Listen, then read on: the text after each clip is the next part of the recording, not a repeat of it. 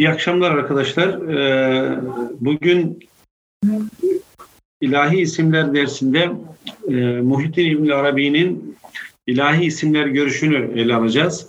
E, dün e, Mutezile'yi anlattık. Mutezile tabi biraz daha kelam geleneği olduğu için biraz daha kuru tabiri caizse kuru bir ilahi isimler teorisine tekabül eder. Oldukça teoriktir. biraz sıkıcı gelmiş olabilir. ama İbn Arabi'ninki e, biraz daha farklıdır. Daha çok e, kendi, irtibat kurabileceğimiz, hayatımızda sonuçlarını daha fazla takip edebileceğimiz bir e, ilahi isimler e, teorisine e, tekabül eder. E, özel olarak da İbn Arabi'nin e, hangi isimler üzerinde durduğuna bir e, işaret edeceğiz inşallah.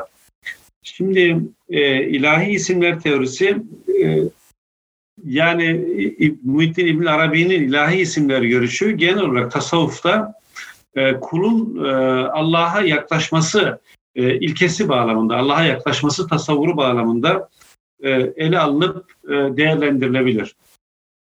İbn Arabi'nin ilahi isimler görüşünü böyle özlü bir şekilde anlamı tamamlamak kitabında anlatmıştım. Hatta bölüme girerken Yunus'tan da bir şiirle başlamıştım. Bence çok güzel ifade eder.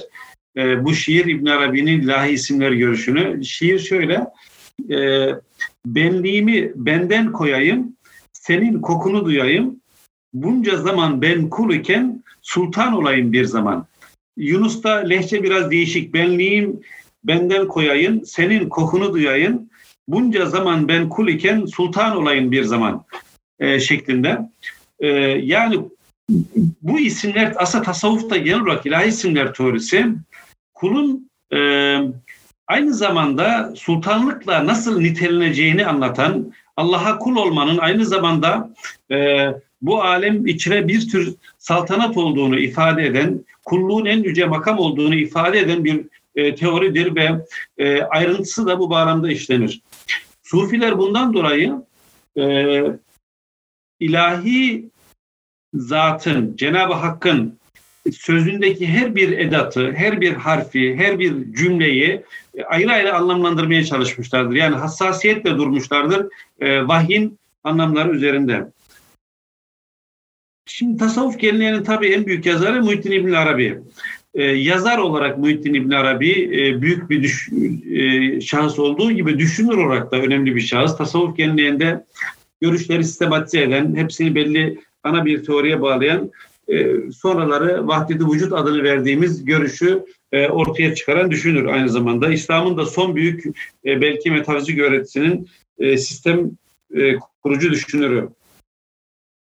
İbn Arabi'nin e, Keşful Mane Ansır ve Esmaillahil Hüsna diye bir eseri var. Bu eserde İbn Arabi ilahi isimler meselesini ele alır ve tek tek ilahi isimlerin nasıl anlaşılması gerektiği üzerine durur. Önce bu ilahi isimlerle ilgili açıklamalarının e, ana e, çerçevesini özetleyelim. Ardından diğer e, bahislere geçelim. E, İbn Arabi'ye göre ilahi isimler aslında Kur'an ve sünnet tarafından belirleniyor ilkece. E, yani en güzel isimler Allah'a aittir.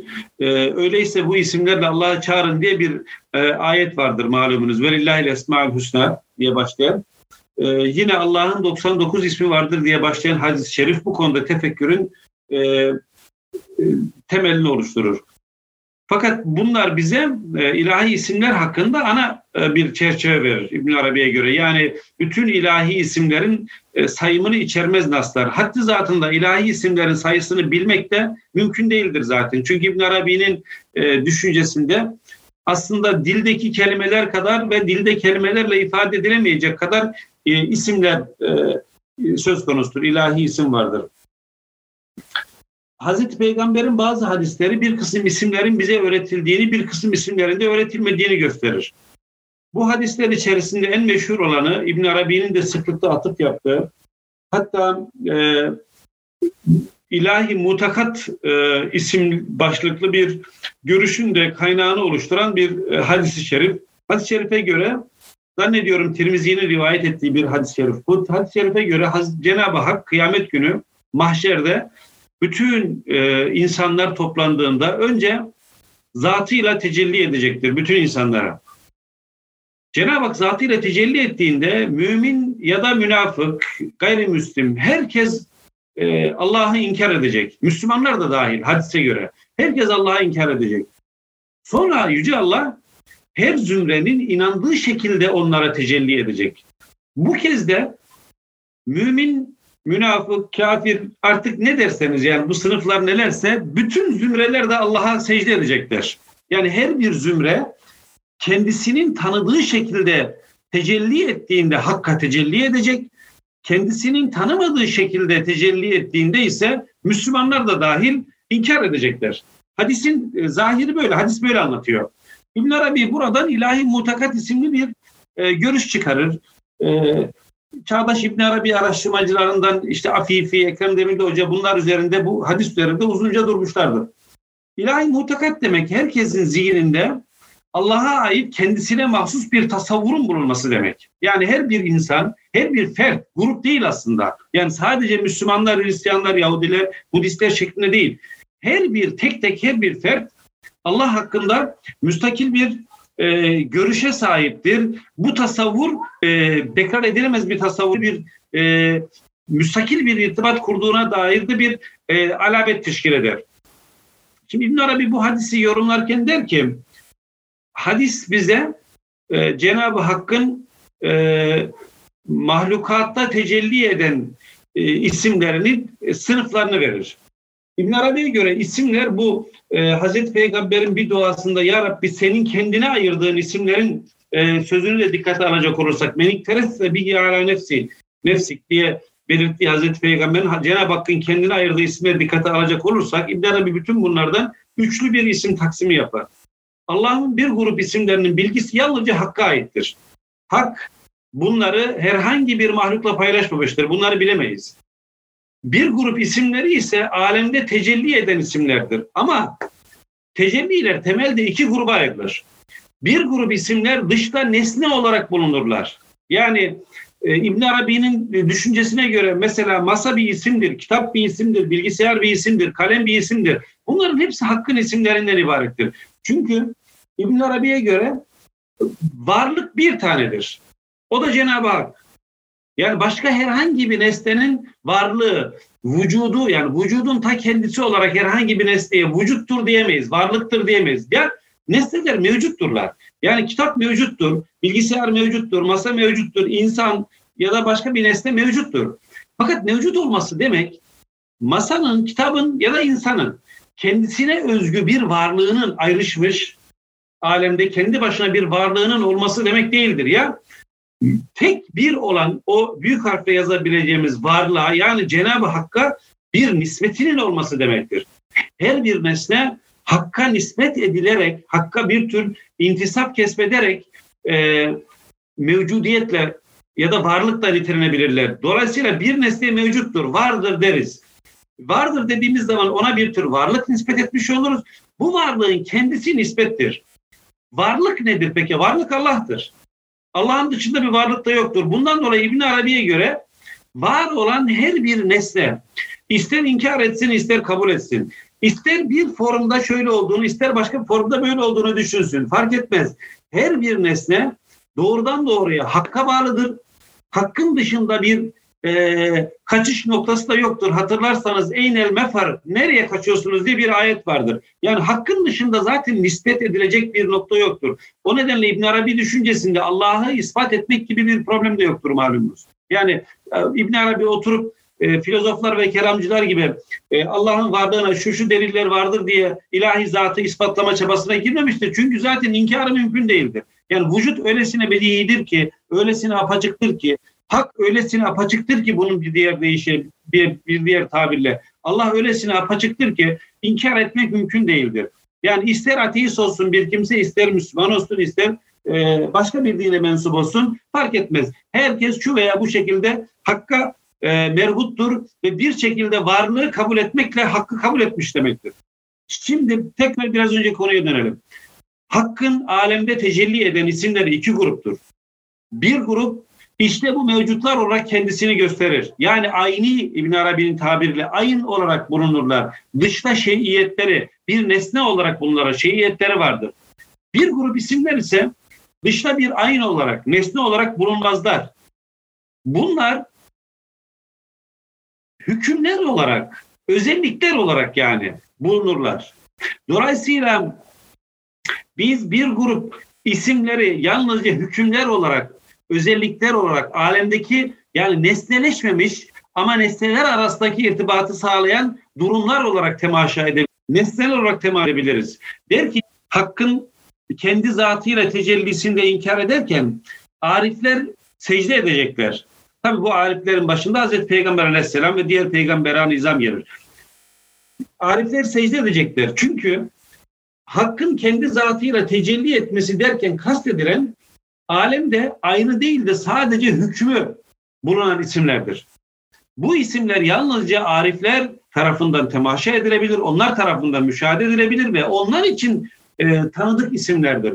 Onun dışındaki insanlar yani bu irfana ulaşmamış insanlar bu isimler bilmezler. Onlar daha ziyade dünyada ayın olarak ortaya çıkan aynileşmiş isimleri bilirler. İbn Arabi buradan hareketle böylece isimleri üç gruba ayırır. Birinci grup hiçbir şekilde bilgisine sahip olmadığımız isimler, Hakk'ın kendi zatına ayırdığı isimler. Bu bağlamda biliyorsunuz Hakk'ın zatı tüketilebilir, bizim açımızdan bilinebilir bir şey değildir tam olarak. Yani biz hiçbir zaman Cenab-ı Hakk'ın zatını e, kuşatamayız. Böyle bir imkanımız yok. E, zatı bilebiliriz ama zatı zat olarak bilemeyiz. Bir grup isimler ise alemde tecelli eder. Bunlar da temelde iki kısımdır. Aynı tecelli edenler ve e, hükümleri tecelli edenler. Aynı tecelli edeni genel olarak insanlar bilebilir ama hükümleri tecelli edenleri yalnızca e, arifler yani özel olarak marifetullah'a ulaşmış e, insanlar bilebilirler. Bundan sonra İbn Arabi'nin esas isimlerle ilgili teorisini şöyle yani teorisini şöyle geçebiliriz. İbn Arabi diyor ki bir ismin e, bir ilahi ismi isimle e, ismi bilmenin yani o hadiste geçti ya وَمَنْ ahsaha dedi Resulullah Efendimiz kim bunları sayarsa ihsa ne demek? Bunun üç mertebesi vardır diyor. Birincisi taalluk mertebesi, ikincisi tahakkuk mertebesi, üçüncüsü de tahalluk mertebesi. Taalluk kelimesi Arapça alak kökünden gelir biliyorsunuz. Bu aslında asılı olmak demek, askıda kalmak demek, alak. Taalluk da bir şeye bağlı olmak demek, merbut olmak demek. Buradan çıkarılmış yani ilişki demek aslında. Bu isimler söz konusu olduğunda bu kelimenin anlamı alemdeki her bir şeyin var olmak ya da varlığını idame ettirmek anlamında her bir halinin doğrudan Allah'a bağlı olması demektir.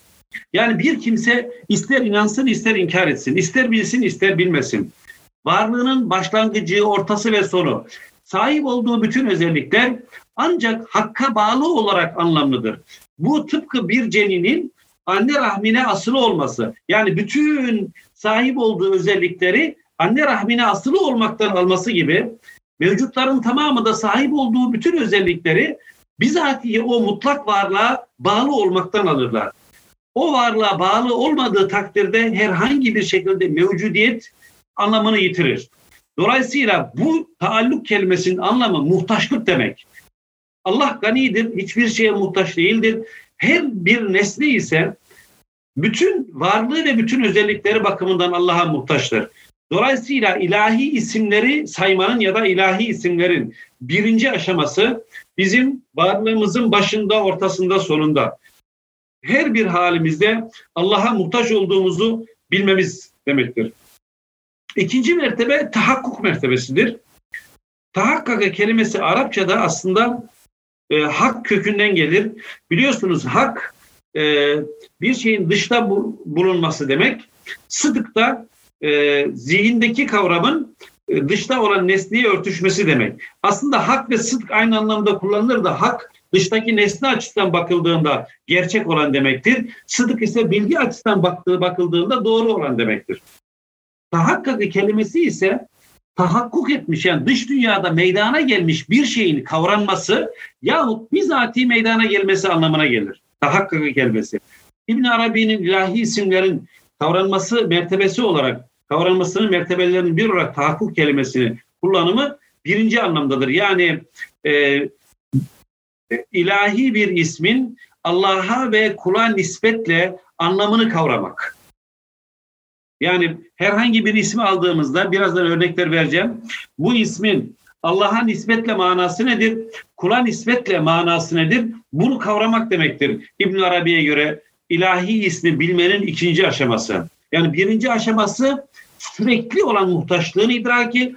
İkinci aşaması aslında ilahi isimler bir açıdan o muhtaçlığı ifade eden isimlerdir. Allah lafzayı celalinin dışında, Allah biliyorsunuz özel isimdir. Ee, özel isim olduğu için diğer bütün isimleri kuşatır. Bunun dışında diğer isimler, İbn Arabi de Rahman isminde böyle bir özelliği vardır. Ama diğer isimler sıfatlar kabilindendir ve bir yönden e, Cenab-ı Hakk'ın e, aleme e, feyzini, tecellisini ifade eden isimlerdir bunlar. Bu sebeple arkadaşlar belirli bir e, isimde tahakkuku kavram tahakkuk etmek demek, belli bir isimle tahakkuk etmek demek, o ismin bana ve hakka nispetini bilmek demektir. Üçüncü mertebe ise tahakkuktan sonra gelen anlamı kavradıktan sonra üçüncü mertebe tahalluk mertebesi. Yani isimle ahlaklanma mertebesi. Biliyorsunuz tahalluk kelimesi de hul kökünden gelir. Aslında bir şeyin bizde meleke olarak bulunmasını ifade eder. Meleke olarak bulunmasını. İlahi bir ismin bizde meleke olarak bulunması ne demek? İlahi ismin bizde bir meleke olarak bulunması demek İbn Arabi'ye göre. Aslında isim kulda nasılsa, şey Allah'ta nasılsa kulda da öyle olması demektir. Tek fark Hakkın kadim kulun hadis olması, hakkın yaratan kulun yaratılan olması, hakkın varlık kulun o varlığın bir hali olmasıdır. Yani değişik açılardan bu farklı izah edebiliriz ama asıl itibariyle tahakkuk etmek, şey, tahalluk etmek demek isim Allah'ta nasılsa, hangi manadaysa kulda da o manada ortaya çıkması demektir. Bu ilk başta biraz yadırgatıcı gelebilir. Kısa bir izah yapmamız lazım bunun için. Biliyorsunuz meşhur bir hadis-i şerif, e, Sufilerin çokça önem verdiği, üzerinde durduğu bir hadisi kutsidir bu. E, der ki hadisi kutsi ve Cenab-ı Hak, kul kulumun bana yaklaşmasını en çok sevdiğim ibadetler ona farz kıldığım ibadetlerdir. Sonra kulum bana nafilelerle yaklaşmaya devam eder. O bana e, bir karış gelir ben ona bir arşın giderim. O bana yürüyerek gelir ben ona koşarak giderim. Nihayet kul bana öyle yaklaşır ki ben onun gören gözü işiten kulağı tutan eli olurum. E, yani e, devamında da devamı da var bu hadisin. Kim benim, benim bir velime düşmanlık eder, ederse bana e, ilanı harp etmiş olur diye. E, ama esas kısmı bizim için şu anda önemli kısmı birinci kısmı. Bu hadis e, çok açık bir şekilde kulla Allah arasındaki irtibat ahlaklanma seviyesine gelirse İbn Arabi'nin söylediği gibi kuldan işiten, kuldan gören ve kuldan tutanın hak olduğu e, bir seviyeye e, ulaşır kul. Aslında derinlemesine düşündüğümüzde din zaten kuldan işitenin, görenin, tutanın Allah olduğunu ifade eder bize. Çünkü yarat bütün efalimiz, bütün varlığımız Hakka nispet edildiği, hakkın bir fiili olduğu ölçüde anlamlıdır. Zaten hakka nispet kesildiği zaman bunlar taalluk mertebesinden düşeceğiz zaten. Yani mevcudiyet kazanamayacağız zaten. Bu demektir ki kulun bu hak tarafın hak, hakla ilişkisinde gören göz, işiten, e, kulak tutan el oluşu, bunu tabii bunlar e, örnek kabilinden sayılıyor. Bunu bütün azalarımıza genişletebiliriz. Yani bütün varlığımızın tamamını e, kuşatan bir anlam olarak değerlendirebiliriz. Bütün bunlarda hakkın bizim gören gözümüz, işiten kulağımız, tutan elimiz oluşu aslında el an şu anda bütün efalin hakka ait olduğunu idrak etmek demektir. Zaten fiiller hakka aittir. Biz o fiillerin e, mazharı olan varlıklarız. E, dolayısıyla arkadaşlar tahallukta kul ilahi isimle donandığında mertebesi yüceldiği için yani mertebesi daha e, ruhanileştiği, teravvun ettiği için tabiri caizse mertebesi daha yukarı çıktığı için ilahi isim e, hakta nasıl ise kulda da öyle olur. Örnek. Bunların hepsine bir örnek verelim. Diyelim ki Allah'ın alim diye bir ismi var. Alim isminin taalluku nedir? Biliyorsunuz belki başta söylemeyi ihmal etmiş olabilirim. Şimdi hatırlatayım.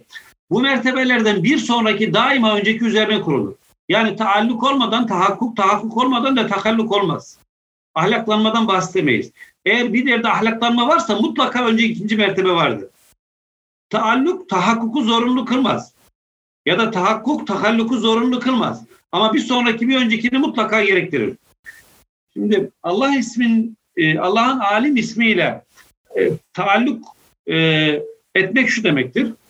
Bilgiyi donanmanın, bilgiyle donanmanın yani bilen olmakla nitelenmenin her türlü seviyesi hakka muhtaçlığımızı gösterir. Yani hakka ihtiyacımızın olmadığı bir bilgi seviyesi söz konusu değildir. Biz bilgiyi donanacak bir kabiliyete sahipken, bilgiyi donanırken, bilgiyi sürdürürken, hatırlarken, dile getirirken bunların tamamında hakka muhtacız. Hakka muhtaçlık bu anlamda ontolojik ya da varlık bakımından durumumuzu ifade eder. İki, alim isminin e, tahakkuku ise bu, bu ismi kavramak ne demektir? Bu ismin hakka ve bana nispetini kavramak demektir. Ne demek bu? Allah alimdir. Allah'ın ilmi kadimdir, ezelidir. Herhangi bir şekilde başkasından alınmaz. İki, herhangi bir şekilde nesneden sonra gelmez. Nesneyi önceleyen bir bilgisi vardır. Hakkın ilmi yaratıcı bir ilimdir. Yani nesneyin e, kendisini önceler ve o bilgiye göre dış dünyada gördüğümüz nesneler ortaya çıkar. Kulun bilgisi ise, bana nispet edildiği zaman bilgi ise e, başkasından alınmıştır, parçalıdır, kavram ve önerme bilgisinden oluşur. Yani biz kavramlarla tek tek suretlerle düşünürüz. O suretler arasını e, birleştirir, yargılara varırız vesaire. Dolayısıyla bizdeki bilgi hem yaratılmış bilgidir, hem başkasından alınmıştır, hem de nesnelerden sonra meydana gelir. Ayrıca parçalı olduğu için kavram ve önermelerden müteşekkildir. Allah'ın bilgisinde parçalılık yoktur. Allah'ın bilgisi nesnelerden sonra gelme durumu söz konusu değildir. Allah'ın bilgisi sonradanlık e, dediğimiz ya da başkasından alma söz konusu değildir. Tahakkuk bu. Yani hak, bilginin bana ve hakka nispetini kavramak demek. Peki tahalluk ne? Tahalluk Allah'a nispet ettik ya bilgiyi.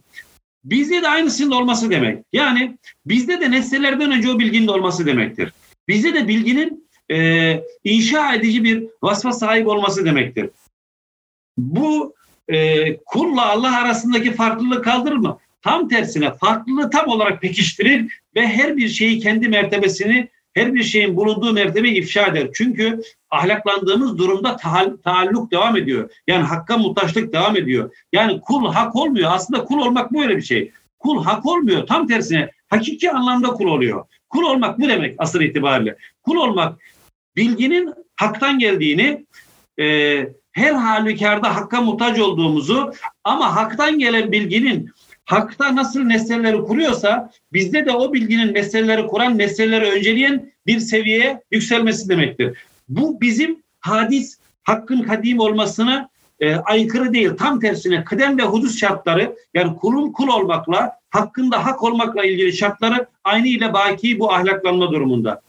Dolayısıyla İbn Arabi'ye göre e, şey e, ilahi isimle donanmak, ahlaklanmak gerçek anlamda bu demektir. Yani biz ancak böylesi bir durumda e, ilahi isimle donanmış, ahlaklanmış oluruz. Üçlü mertebede bunu diğer bütün şeylere, isimlere uygulayabilirsiniz. Peki İbn Arabi için, yani İbn Arabi'nin bu görüşünün en fazla kendisini gösterdiği, yorumunda en fazla etkin olduğu isim hangisidir diye soracak olsanız iki isim vardır. Belki dün, önceki gündeki derslerde söylemeyi ihmal etmiş olabilirim arkadaşlar. Ee, biz bu isimlerin şerhlerini falan e, yapan alimlerin eserlerini okuyoruz. Bu, bu e, düşünce geleneklerini tartışıyoruz falan filan ama zannetmeyin bir düşünce geleneğinin bütün bu isimler hakkında kanaati var. Hayır öyle değil. Yani bir düşünce geleneği bir tane isimde derinliği yakalasın, farklı bir açıklama geliştirebilsin. Zaten o düşünce geleneği için yeterli oluyor. Mesela İbn Arabi için asıl e, teorisinin kendisini gösterdiği isim Allah ismi celali ve Rahman ismi şerifidir. İki isimdir temelde. Yani bu düşünce geleneklerinin bütün görüşlerini ilahi isimlere tatbik ettiğimizde böyle e, bir takım e, tek tek isimlerle ilgili görüşler beyan edebildiklerini görürüz. Mesela bütün maturidi geleneğin belki fırsat olursa ona değineceğiz. Bütün maturidi geleneğin kendisini gösterdiği isim hangisidir desek hakim ismidir. Kelam geleneğinin ortak bir şekilde kendisini ifade edebildiği yani hakikaten kelamcılar bu isimle ilgili bir şey söylediler mi diye sorsak bunun cevabı Kadir ismidir. Allah'ın Kadir ismidir. Kudret kavramı eksende döner. Mutezile'nin bu Kadir ismi içerisinde münhasıran e, açıklama yaptığı e, kendisine özgü bir açıklama yaptığı kısım Allah'ın El Adil ismidir. Eşarilerin e, Kadir ismini derinleştirdiklerini, e, Maturidilerin Kadir ismini Hakim ismiyle dengelediklerini görürüz. Tasavvuf geleneğinde ise bu e, Hakim, Kadir ya da e, Adil isminin yerini Allah ismi şerif, ismi celali ve Rahman ismi şerifi alır. Yani özel olarak İbn Arabi'nin bu iki isimle ilgili tasarrufta bulunduğunu görürüz. Allah ismi özel isimdir biliyorsunuz. Bütün isimleri cami isimdir. Rahman ismi de varlığın potansiyelini İbn Arabi'nin teorisine varlığın bütün potansiyelini kendinde taşıyan isimdir. Yani her bir nesne varlığını bu isim kanalıyla haktan alır. Bu isim aynı zamanda her bir nesnenin hakla olan özel irtibatını tesis eder. İbn Arabi buna veçi has der. Hatta İbn Arabi evliyanın bir kısmının diğerini inkarı meselesini de bu isimle açıklar. Çünkü her birimizin, her bir nesnenin sadece insanları değil, bütün mahlukatın Allah'la özel bir irtibatı vardır. Bu özel irtibat başkalarına gizlidir. Allah'tan başka hiç kimse bunu bilemez. Allah'tan başka hiçbir kul bu isme vakıf değildir. Peygamberler de dahil. Özel olarak hak bildirmediği sürece kimse bu vecih bilemez. Dolayısıyla bu özel yön, hakla özel e, irtibatımız başkaları tarafından bilinmediğinden bu özel yoldan kazanılan velayetler başka velayetler tarafından da tanınmayabilir. O nedenle e, evliya arasında zaman zaman veliler arasında birbirini tanımama, birbirini inkar etme durumlarının usule geldiğini söyler. Rahman ismi ve e, e, Allah ismi Celali hakkında çokça konuşmak gerekir ama e, süremiz fazla müsaade etmiyor. Sadece şunu söyleyelim.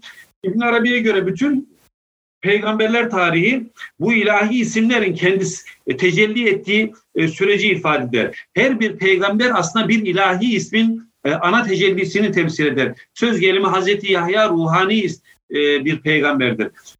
Yani bir peygamber Hay ismini, bir peygamber Malik ismini, bir peygamber Kadir ismini temsil edebilir. Peygamber aleyhisselam, Hazreti Peygamber aleyhisselam Cevamül Kelim'dir. Cevamül Kelim'i biz genel olarak tefsir literatüründe belagat e, sahibi yani az sözde çok ifade eden bir nebi olarak okuruz ama İbn Arabi de söz kelime zaten varlık demek olduğu için Cevamül Kelim varlığın bütün potansiyelini temsil edebilecek en yüce yaratılmış anlamına gelir. Yani Hazreti Peygamber Allah ismi şerifinin tecellisidir. Bu şu anlama gelir. Bütün isimlerin kendisinde karşılık bulduğu en yüksek mazhar, en yüksek tecelli Resulullah Aleyhisselatü Vesselam'dır. E, Allah ismiyle ilgili o yüzden Fussul İkem'de peygamberlerin e, mazhar olduğu isim, mazharı olduğu isimler anlatılır. Her bir peygamberle ilgili bir isim anlatılır. Hazreti Peygamber'e gelince e, Allah lafzayı celaline intikal edilir. Çünkü e, hakkın en yüksek tecellisi Resulullah Efendimiz'dir. Oradan biz insanı kamil bahsine geçeriz. E, Rahman isminin de yani her bir varlığın, her bir nesnenin e, varlığının kaynağı aynı zamanda da hakla irtibat, özel irtibatının kaynağı olduğu meselesine tekrar dikkat çekelim. Konuyu e, yani çok, konuyu çok uzatmak mümkün, e, fazlaca e, ayrıntıya girmek mümkün ama çok özlü bir şekilde e, mesele e, bu şekilde ifade edilebilir. Bugün e, soru gönderdi mi arkadaşlar bilmiyorum. Şimdi sorulara bakacağım. Eğer soru gönderdilerse e, kısaca soruları cevaplayacağım.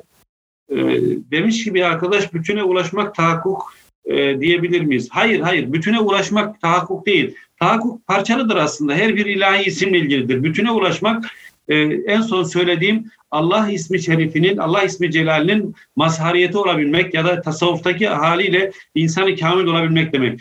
Bütüne ulaşmanın bir insana e, e, verildiğine dair bilgilerimiz e, ne, ne derecedir onu ayrıca konuşmak lazım. Yani bütünlük bir insana bahşed, bahşedilen bir şey midir? Ama e, şöyle bir durum var. Bir isimden hak e, Allah'ın özel ismine varıp oradan diğer isimler hakkında mücmel bir e, idrake, marifete sahip olmak e, mümkündür. Bu anlamda bütünlükten bahsedebiliriz. Bahsedilen kişide bulunan Tanrı'yı idrak etmeye yarayan melekenin var olduğunu rasyonel bir gerekçelendirmesi var mı? E, rasyonel gerekçelendirmesi insanın kabiliyetleri bu teoride. Yani e, insanda akıl, latife-i insaniye dediğimiz ruh var. Ruh e, hayal gücüne, e, aynı zamanda idrak, e, nazar gücüne, idrak melekesine sahip. E, bu ikisi bir araya gelip e, varlığın bütün katmanlarında ilerleme özelliğine sahipler. Ama Burada şöyle bir durum var ya bu sadece e, insandan hareketle temellenen bir şey değil.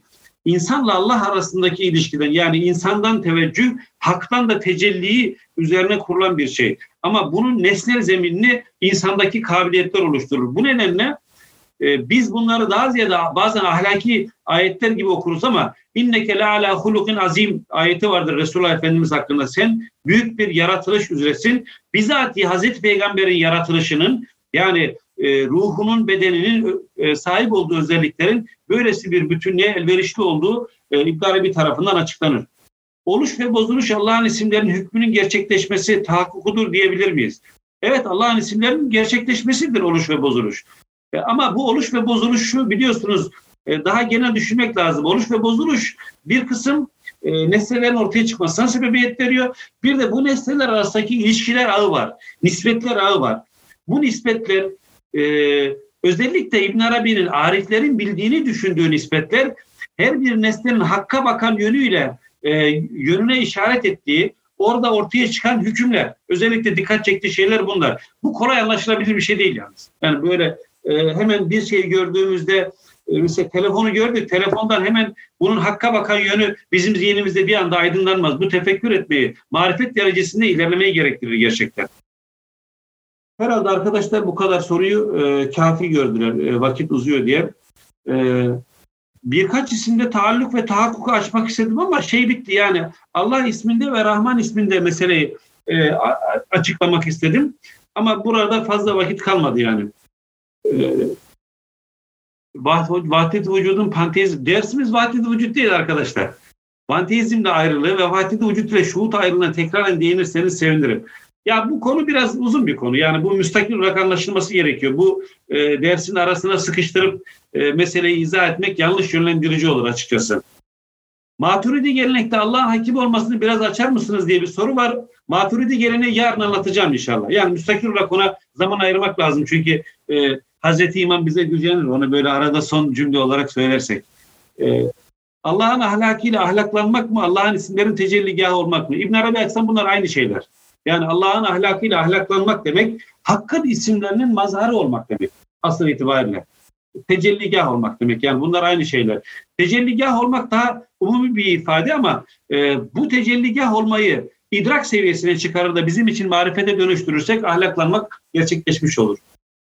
E, bu konuda okuyabileceğim kitap tavsiye eder misiniz? Evet tabii okuyabileceğiniz kitap var bu konuda. Bizzat İbn Arabi'nin kendi ilahi isimler şerhi Futuhatın içerisinde Türkçe'ye tercüme edildi. Futuhatın bir bölümü. Ayrıca Ekrem Demirli Hoca'nın e, şeyi e, e, Fususül İkem tercümesine yazdığı şerh kısmında bu meseleler ayrıntı olarak var. Yine e, ilahi isimler teorisi diye Abdullah Kartal'ın bir kitabı daha önce yayınlandı. Sonra ilahi isimler meselesini yine başka bir arkadaş e, tez olarak çalıştı. Bunlara ulaşılabilir derler. Dersin başında geçen hadisin hangi kitapta geçtiğini söyler misiniz? Tirmizi'de geçen bir şey. Bu e, internette yazın kaynaklarını bulacaksınız. Tirmizi hadisi yanlış hatırlamıyorsam. Yani Allah e, kıyamet günü mahşerde kendi zatıyla e, ya da insanların inandığı şekilde tecelli edecekler hadisi. Rahatça bulursunuz. İbn Arabi'de de çok atıf yapılan bir hadistir. Hatta İlahi Mutakat yazın Ekrem Demirli'nin e, yazılarına rastlarsınız. Daha önce Ekrem Demirli'nin tercüme ettiği Afifi'nin e, kitabında da bu bununla ilgili İlahi Mutakat'la ilgili bir bahis vardı. Burada sanattan kasıt tam olarak e, sanattan kasıt nedir tam olarak biraz detaylandırır mısınız? Sa- sanattan derken neyi kastettiğini anlamadım. Yani sanat e, sanat lafı nerede geçti hatırlamadım. Öyle bir şey mi kullandım bilmiyorum. Yani e, sanattan kasıt. Soruyu anlamadım kusura bakmayın zaten anlamadığım sorular gelmeye başlıyorsa da konunun bitmesi gerektiğine dair bir e, alamet ya da bir işaret sayabiliriz bunu. E, Bakara Suresi 31. ayetle ilgili geçen dersin sonunda yaptığınız yorumu tam anlayamadık. Bir kez daha açar mısınız? Arkadaşlar dönmeyelim ona. E, sadece şeye dikkat çekmek istedim. Yani Hazreti Adem e, cennete konuldu cennette şeytan onları ebediyet e, ağacının meyvesiyle kandırdı. Halbuki Hazreti Adem'e ebediyetin kendisi marifetullah olarak verilmişti. Oradaki sorun bence marifetullah olarak yani ilahi isimlerin ya da isimlerin bilgisi olarak verilen ebediyetin maddi olan bir şeyle e, değiştirilmesi en büyük sorun budur. E, kastettiğim buydu ama uzun açıklamak gerekir onu. Eyvallah arkadaşlar. Beni dinlediğiniz için teşekkür ediyorum. Hepinize e, hayırlı akşamlar diyorum. Geceniz bereketli olsun.